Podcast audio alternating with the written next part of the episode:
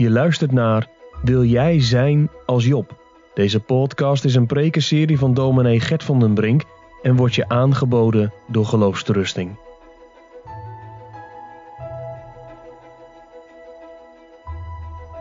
Wij openen het woord van God en wij lezen uit het Bijbelboek Job, hoofdstuk 2.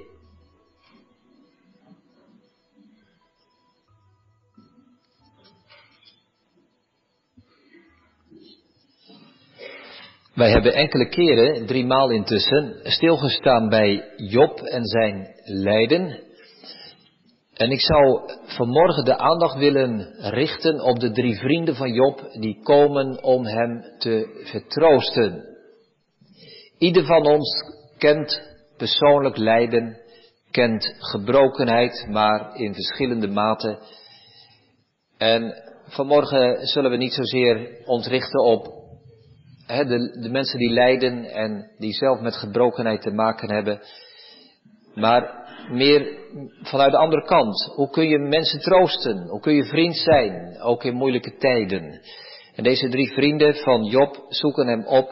En we zullen vanuit deze paar versen, vers 11 tot en met 13, proberen enkele lijnen te trekken ook naar ons eigen leven. Laten we het hele hoofdstuk nog een keer lezen. Job hoofdstuk 2. En dan zal dus straks de tekst vers 11, 12 en 13 zijn. Wij lezen hier het woord van God.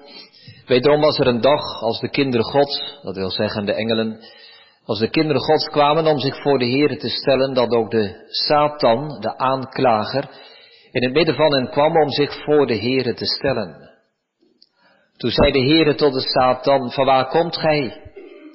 En de Satan antwoordde de Heere en zei van om te trekken op de aarde en van die te doorwandelen. En de Heere zei tot de Satan, hebt gij ook afgeslagen op mijn knecht Job? Want niemand is op de aarde gelijk hij, een man oprecht en vroom, Godvrezende en wijkende van het kwaad. En hij houdt nog vast aan zijn oprechtheid, hoewel gij mij tegen hem opgehitst hebt om hem te verslinden zonder oorzaak. Toen antwoordde de Satan de Heere en zei, huid voor huid en al wat iemand heeft zal hij geven voor zijn leven. Maar strek nu uw hand uit en tast zijn gebeente en zijn vlees aan, zo hij u niet in uw aangezicht zal zegenen. En de Heere zei tot de Satan, zie, hij zei in uw hand, maar verschoon zijn leven, ontzie zijn leven. Toen ging de Satan uit van het aangezicht van de Heere en sloeg Job met boze zweren van zijn voedsel af tot zijn schedel toe. En hij nam zich een pot scherf om zich daarmee te schrabben en hij zat neer in het midden van de as. Toen zei zijn huisvrouw tot hem, houd gij nog vast aan uw oprechtheid? Zegen God en sterf. Maar hij zei tot haar, gij spreekt als een der zottinnen spreekt. Ja, zouden wij het goede van God ontvangen en het kwade niet ontvangen? In dit alles zondigde Job met zijn lippen niet. Als nu de drie vrienden van Job gehoord hadden al dit kwaad, dat over hem gekomen was, kwamen zij ieder uit zijn plaats. Elifas de Temaniet, en Bildad de Suhit en Zofar de Naamatiet, en ze waren het eens geworden dat ze kwamen om hem te beklagen en om hem te vertroosten. En toen zij hun ogen van verre ophieven, kenden zij hem niet. En hieven een stem op en weenden. Daartoe scheurden zij een ieder zijn mantel en strooiden stof op hun hoofden naar de hemel. Alzo zaten zij met hem op de aarde zeven dagen en zeven nachten. En niemand sprak tot hem een woord, want zij zagen dat de smart zeer groot was. Tot zover de lezing van de schrift en vers 11, 12 en 13 zijn zoals gezegd de tekstwoorden voor de prediking. Wij schrijven boven de preek over troosten en verdriet. Het thema voor vanmorgen over troosten en verdriet. Drie gedachten. In de eerste plaats aanwezige vrienden. Ten tweede troostende vrienden. En ten derde troost bij God. Over troosten en verdriet. Misschien kennen sommigen van ons een boek met deze titel van professor W. Terhorst. Hij heeft een boek geschreven en ik heb dat in de voorbereiding, ik heb er veel aan gehad. En dat heet ook zo, over troosten en verdriet. Dus ik wil ook graag dit thema aan de preek van vanmorgen meegeven. De eerste gedachte is aanwezige vrienden. Ze komen en ze gaan bij Job zitten, ze zijn er. Aanwezig. Onze eerste gedachte, aanwezige vrienden. In de tweede plaats, troostende vrienden. Wat is dat dan? Troosten. Hoe kunnen wij dat doen? Wat kun je wel doen? Wat kun je niet doen als je troosten wilt? En de derde, troost bij God. Want waar is God op dit moment? Waarom troost God eigenlijk niet? Of troost hij wel? Die vraag komt ook naar boven vanuit dit gedeelte, al wordt de naam van God niet nadrukkelijk genoemd. Aanwezige vrienden, troostende vrienden en troost bij God. Gemeente, wij gaan vanmorgen luisteren, of beter gezegd kijken, naar de drie vrienden van Job. Elifas, Bildad en Zofar. En meestal hebben deze drie vrienden van Job een slechte naam. De meeste mensen die er wat over zeggen of over schrijven, die zeggen nou die drie vrienden van Job, die maken er weinig van. Die komen om hem te troosten, maar ze mislukken. De drie vrienden van Job zijn een voorbeeld van hoe het vooral niet moet. Ik denk dat, hè, als je thuis nog eens wat nagaat lezen, misschien over dit gedeelte, de meeste commentaren volgen die lijn. Ja, die drie vrienden van Job. Ze komen daar bij Job en ze maken hem het lijden alleen nog maar moeilijker. En ze bestoken hem met hun woorden en met hun theorietjes en hun theologietjes en hun gedachten en ze weten precies hoe het zit, maar intussen helpen ze Job totaal niet. Ze beschuldigen hem. Ze gaan zelf op de troon van God zitten. En verderop in dit Bijbelboek in hoofdstuk 16 horen wij de woorden van Job zelf die tegen hen zegt, jullie zijn moeilijke vertroosters. En toch gemeente wil ik het vanmorgen voor deze drie vrienden opnemen. Toch wil ik vanmorgen vooral benadrukken wat zij goed doen, positief doen. Zij komen om hun vriend te vertroosten. Laten we vanmorgen niet alleen maar kritiek hebben op deze drie vrienden. En ik zal uitleggen waarom, twee redenen. In de eerste plaats, zij nemen in ieder geval de moeite om hem op te zoeken en zij hebben het verlangen om hun vriend te vertroosten. Verder deed niemand dat. Niemand. Maar zij wel. Er is in hun hart een verlangen om Job te gaan troosten. Nou, dat is een voorbeeld voor ons. We zullen zien, denk ik, hoop ik, dat er nogal wat lessen zitten in dit gedeelte, waar wij hen als voorbeeld kunnen nemen als wij geroepen worden om mensen te troosten. En ten tweede, ik denk, ik denk gemeente dat wij nog wel blij mogen zijn als wij het zo ver brengen in het troosten als deze drie vrienden. Ja, het is waar. Het was maar een schrale troost wat zij uiteindelijk konden brengen. Ja, het is waar dat zij de diepte van het lijden niet geteld hebben. Niet gemerkt hebben hoe intens en hoe ernstig het lijden van Job was. Maar wees eens eerlijk. Kunnen wij het lijden van andere mensen dan wel peilen? Komen wij zoveel verder dan een schrale troost aan mensen om ons heen? Ik weet niet wie het er beter van afbrengt als wij ons met de drie vrienden moeten vergelijken. Wie troost er beter? Wij of zij? Wij lezen over deze drie vriendengemeenten dat zij van verre komen. Elifas, de Themaniet, Bildad, de Suhit en Zofar, de Naamatiet. Er is allerlei onderzoek gedaan waar dat precies eh, lag, die streken waar zij vandaan kwamen. Ga ik nu verder maar niet op in. In ieder geval is het duidelijk dat zij van ver komen en de moeite nemen om een vriend op te zoeken. en hem te troosten. Er staat in de spreuken, een vriend heeft te allen tijden lief. En een broeder wordt in de benauwdheid geboren. Dat is mooi. Wanneer merk je of je vrienden hebt? Als het moeilijk is. Zij hebben er een reis voor over. Op een of andere manier hebben ze contact met elkaar gezocht en gezegd, kom jongens, we gaan erheen. We zijn vrienden, toch? En als Job zo in de ellende zit en in het verdriet en het lijden, gaan wij hem beklagen en vertroosten. Zo staat er in de Statenvertaling. In de Statenvertaling staat om hem hun meeleven te betuigen en om hem te troosten. Ik lees daarin gemeente dat troosten een taak is voor vrienden. Wie troost mensen die verdrietig zijn? Dat doen je vrienden. Er bestaan geen beroepstroosters. Dus laat ik dat meteen vanmorgen ook maar mogen zeggen. Als u, als jij een vriend hebt,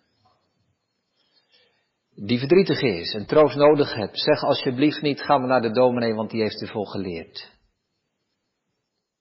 Te beginnen gemeente, ik heb daar niet voor geleerd. Kun je dat leren? Hoe je troosten moet? Het is geen vak. Er zijn geen regels voor. Het is niet een studie die je kunt volgen. Tien stappen en ik ben een goede trooster. Nee, troosten dat gebeurt door, door mensen om jou heen. Mensen in jouw gemeenschap. Mensen in jouw relaties.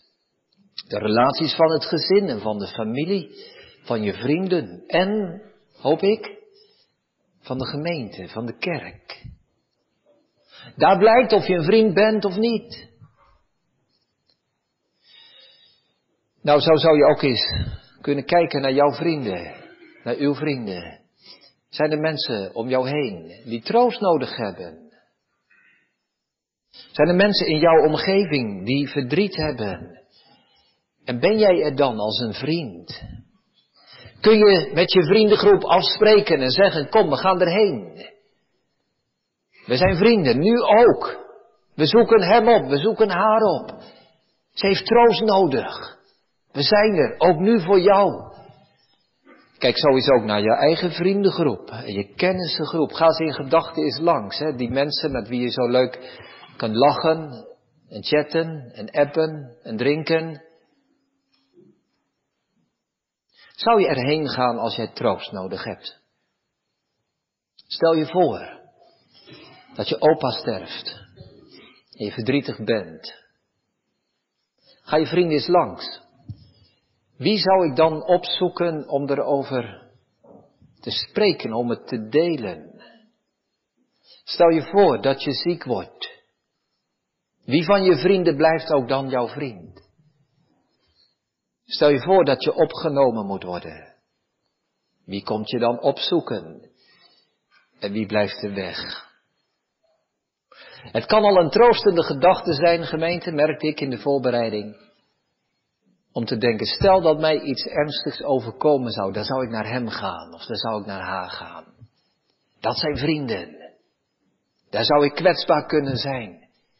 Daar mag ik komen met mijn verdriet. Dat is al een troostende gedachte. Om te weten dat het troost is wanneer het nodig is. Nou, en zo komen deze drie vrienden na een lange reis in de stad. Ze komen daar aan, ze weten waar het huis van Job is. Het zal vast een groot en een voornaam huis zijn geweest, want hij was uitzonderlijk rijk. Maar zijn vrouw is weg. En het huis is leeg. Job is er niet.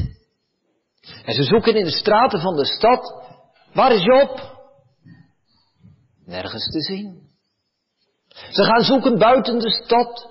En dan, op een gegeven moment, dan zien ze daar in de verte de stortplaats, de vuilnisbelt van de stad liggen. En ze kijken nog eens goed van verre en ze zien daar iemand zitten, maar staat er, ze herkennen hem niet. En toch zien ze dan, ja, tot hun verbijstering, tot hun ontzetting, kijk daar, die arme, die magere man met die potscherf in zijn hand, die zich zit te krabben. Het is Job, onze vriend. Wat een troosteloze aanblik, als we het dan over troost hebben.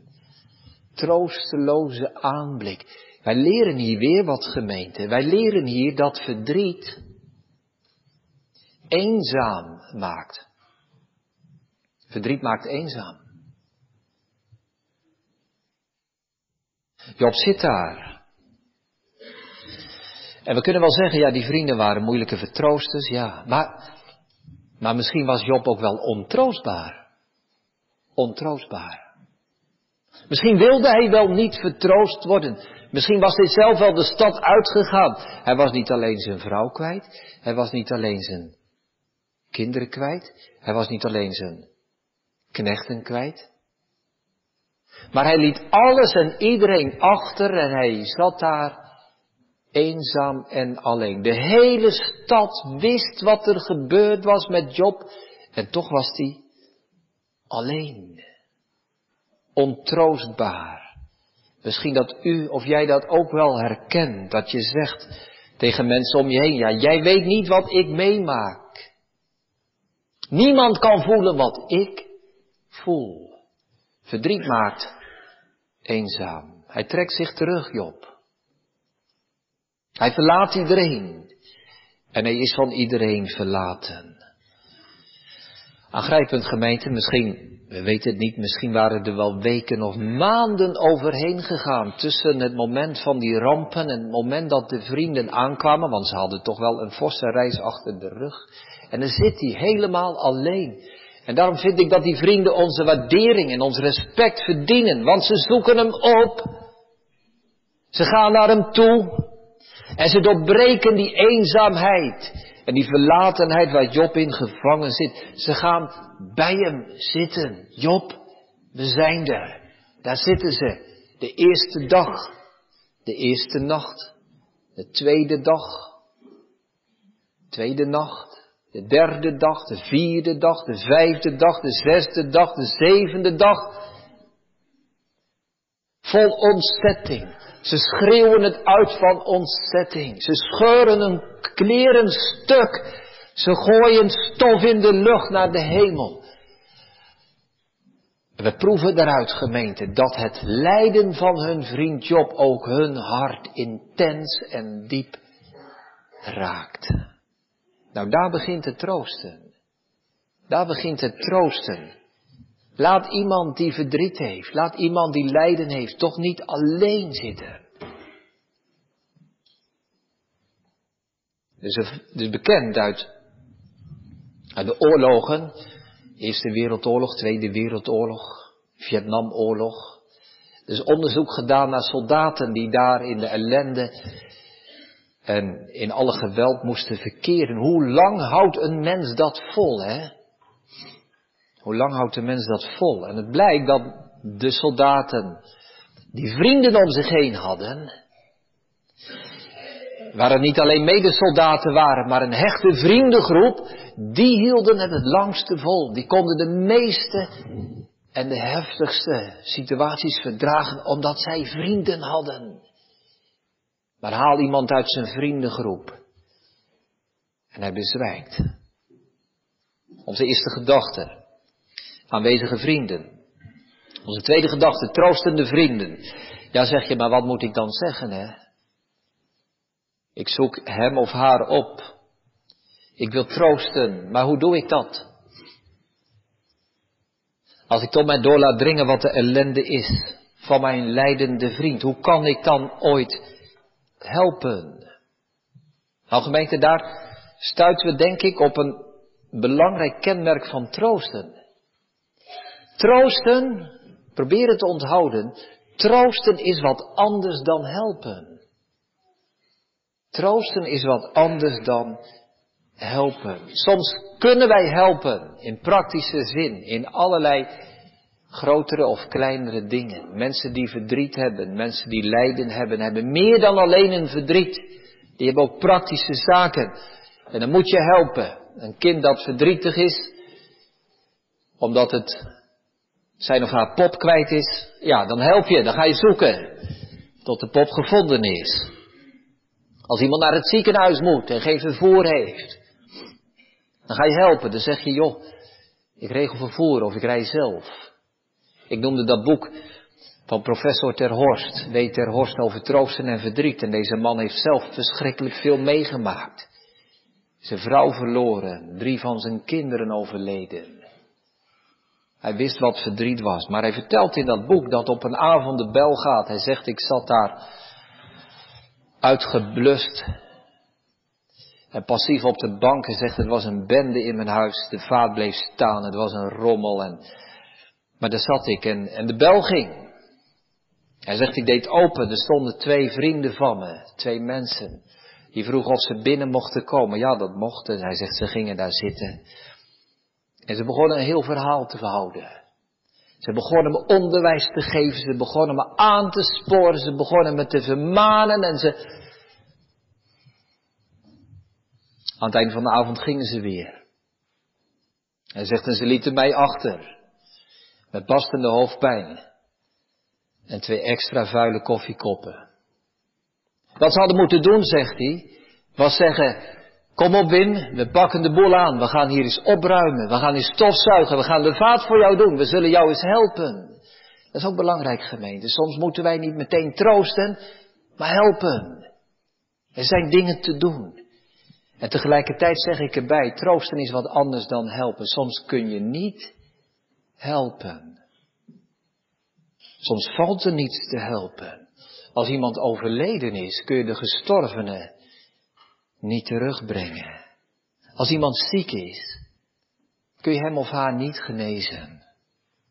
Als iemand depressief is, je krijgt die depressie niet weg.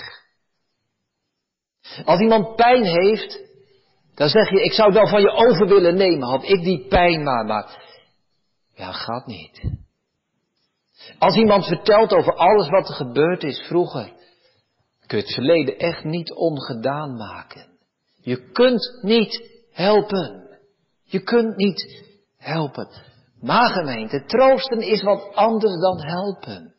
Troosten is niet het oplossen van de problemen. Troosten is ook niet het wegnemen van het verdriet. Troosten is aanwezig zijn in het verdriet. Troosten is aanwezig zijn vanwege dat verdriet.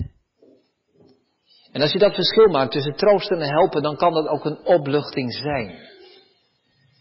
Want soms ga je ergens heen en denk je, oh wat, wat voel ik me machteloos. Ik kan niet helpen, nee, maar je kunt wel troosten. Kijk maar naar die drie vrienden van Job. Gemeente, zij gaan om hem te vertroosten. Ze konden niet de kudden teruggeven, de duizenden dieren.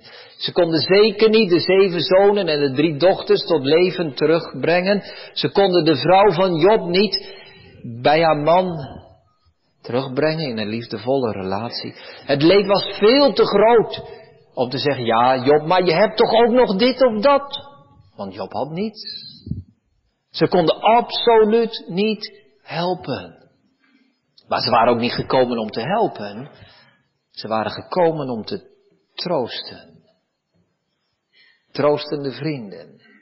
Nog iets gemeente waarin deze vrienden, geloof ik, echt troostend aanwezig zijn. Hoe dan?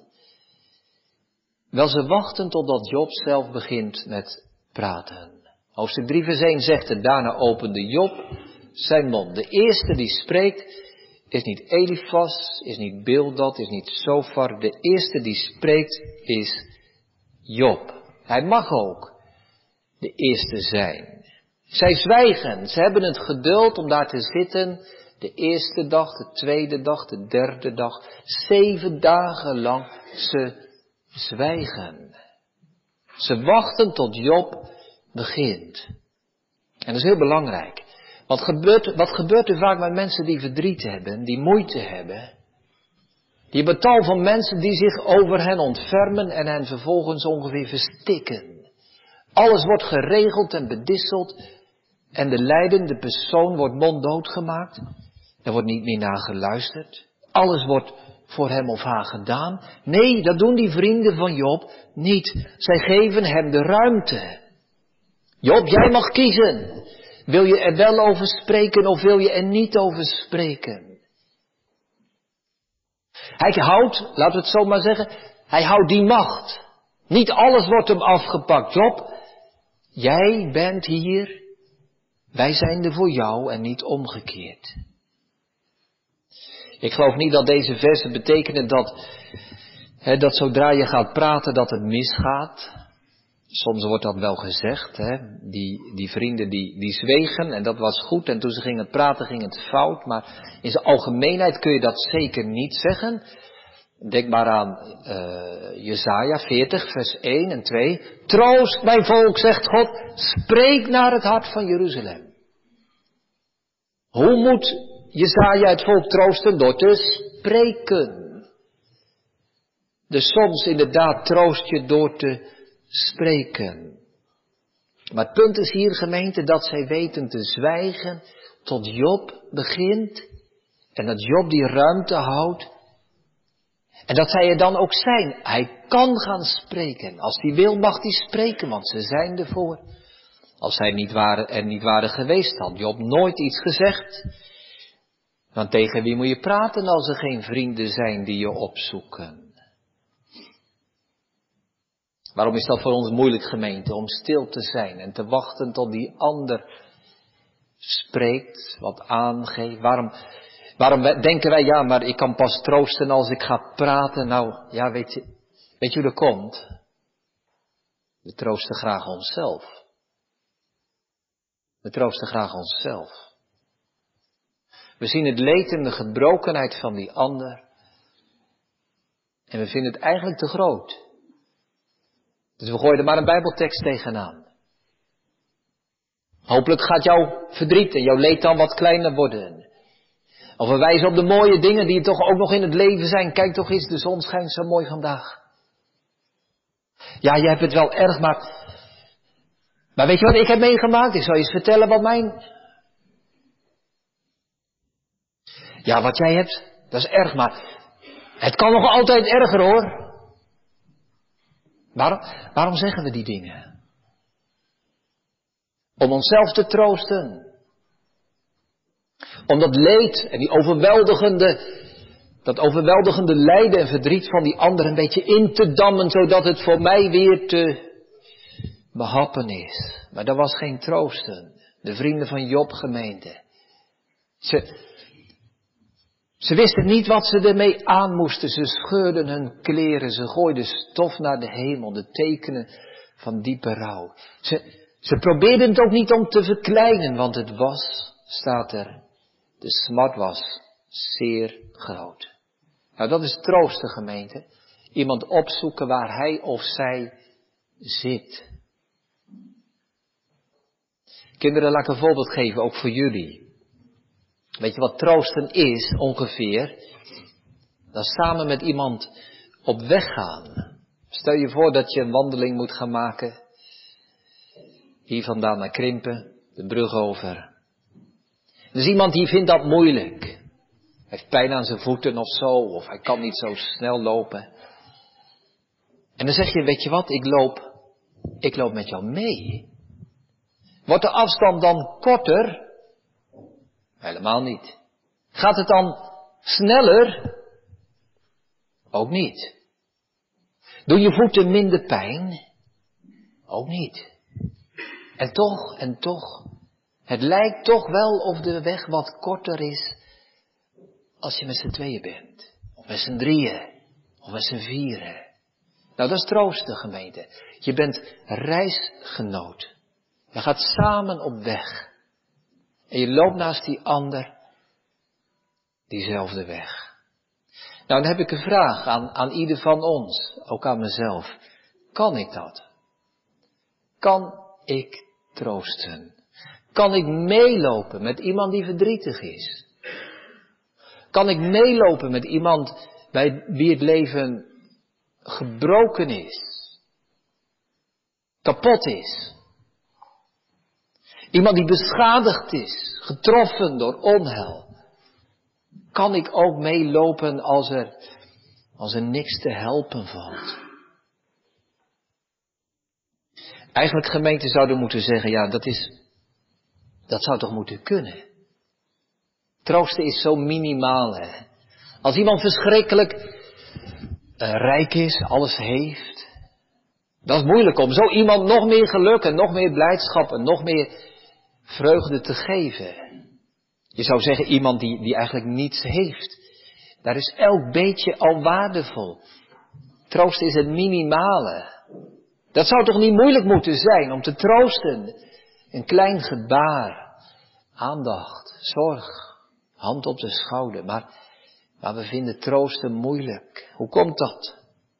Hoe komt dat? Nou, omdat het ons wel confronteert met mijn eigen kwetsbaarheid en mijn eigen gebrokenheid, misschien ook wel mijn eigen pijn, mijn eigen trauma. Ik zie die ander en ik denk dat had ik kunnen zijn. Dat kan ook mijn toekomst zijn. Dat moet ik wel onder ogen zien, hè.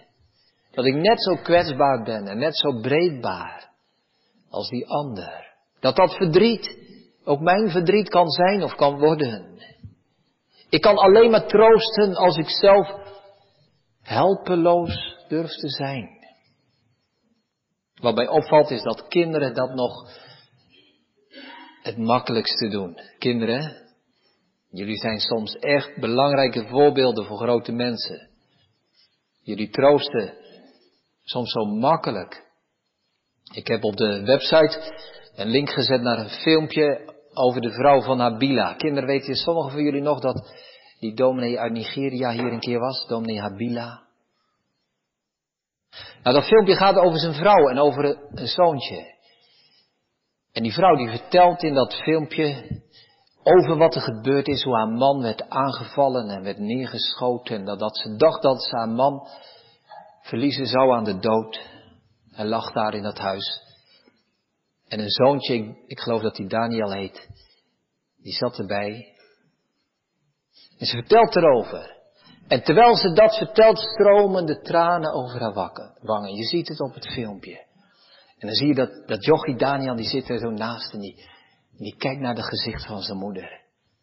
En af en toe zie je dat handje gaan, zo even, wist hij de tranen bij zijn moeder weg. Dat is troosten. Kan dat jochie helpen? Kan niet oplossen? Nee.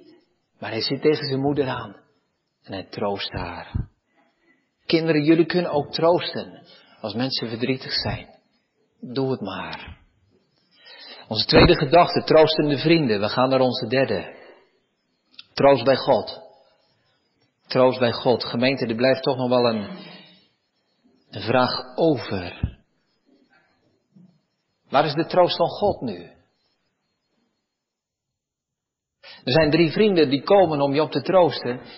Maar waarom komt God niet om je op te troosten? Wij hebben daar wel vaak over, hè, over de troost. God troost. Er staat in de Bijbel 2 Korinthe 3, 2 Korinthe 1 vers 3. Dat God de Vader is van de barmhartigheid en de God van alle vertroosting. Prachtig. Troost allen zingen wij. Troost allen die in nood en smart tot u verheffen het angstige hart. Ik zoek de zegen, Psalm 27, bij u alleen, o bron van troost en licht. Wat is uw enige troost in leven en in sterven? Troost aan alle kanten, maar waar, waar is de troost van God? Is God in dit hoofdstuk, in deze hoofdstukken in het Bijbelboek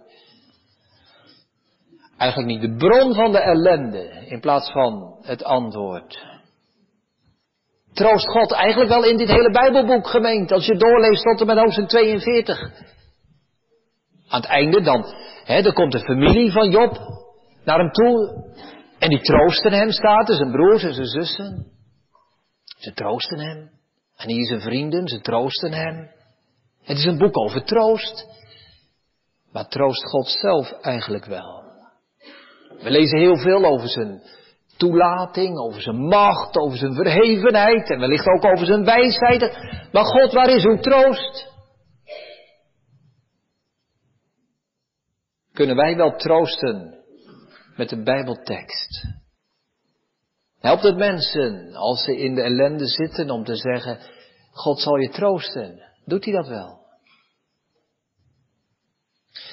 Als we die vraag hebben gemeente, dan wordt het heel belangrijk om te zien dat de troost van God toch anders is dan onze troost. Ik heb zojuist met nadruk gezegd in de tweede gedachte, als wij troosten, is dat wat anders dan helpen. Onze troost is daar waar we niet, niet kunnen helpen. Maar God troost, juist omdat hij helpt. Bij ons moeten we dat onderscheiden. Troosten, helpen. Bij God hoort dat samen. God troost door te helpen. God troost door te verlossen. God troost door te bevrijden. Dat is de troost van God. God troost, gemeente, in ons lijden. Want hij belooft, hij belooft het, dit lijden waar je nu in zit, dit verdriet, deze pijn, is maar tijdelijk. Het gaat voorbij. Het houdt een keer op. Ik zal jou verlossen. Uit het lijden, uit de zorgen, uit de ellende. En daarom zegt Paulus in Romeinen 8, want wij weten, wij weten het, dat het lijden van deze tegenwoordige tijd niet is te waarderen. In het niet valt vergeleken met de heerlijkheid die geopenbaard zal worden. Nog even, nog even. Beter dan dit tijdelijke leven is uw goede tierenheid. Straks komt de verlossing. Straks komt de bevrijding. Straks is het voorbij. En God troost ons met die woorden. Hij zegt het. Hier heb je mijn belofte. Hou vol. Houd moed. Het is maar tijdelijk. Het Nederlandse geloofsbeleidenis zegt zo mooi gemeente dat God ons troost door zijn zoon te geven.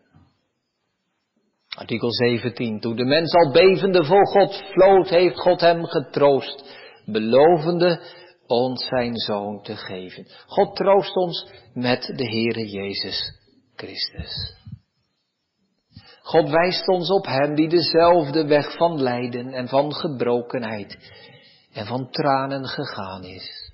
Maar Hij is er door. Hij is door het graf heen gegaan en hij is opgestaan en hij heeft het onvergankelijke leven aan het licht gebracht. En hij belooft het, dat is ook jouw weg. Dat is ook uw weg. Als je in mij gelooft, zal ik jou door deze weg heen brengen tot de zaligheid.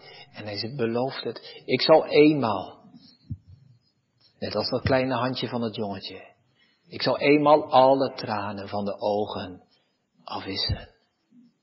Troost bij God door de Heere Jezus Christus. Gemeente, Hij is altijd aan onze zijde. Als je in Hem mag geloven, dan heb je altijd een reisgenoot. Altijd iemand die meegaat. Iemand die jouw pijn kent. Iemand die je angsten kent. Iemand die alles van dit leven gedragen heeft.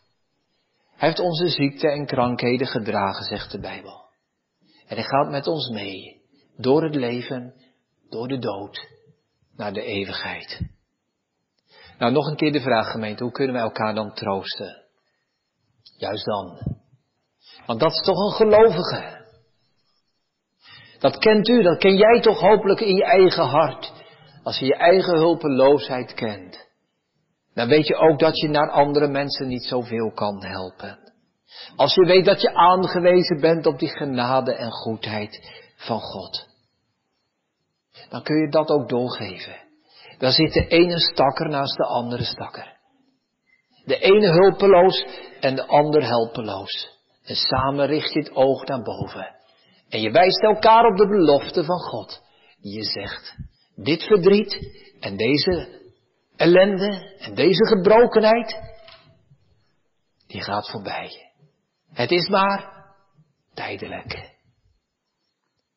Drie vrienden gemeente van Job, Elifas, Bildad en Zofar. Moeilijke vertroosters. Ze slaagden niet met een tien. En toch, het waren vertroosters. Het waren vertroosters, al was het een schrale troost. Wij leren van hen Hoe wij kunnen troosten. Wij leren ook gemeente wat hun gebrek was. Dat zij in dat gesprek met Job niet de troostende God hebben ingebracht. Laten wij dat wel doen. Niet goedkoop. Niet als een jamaar.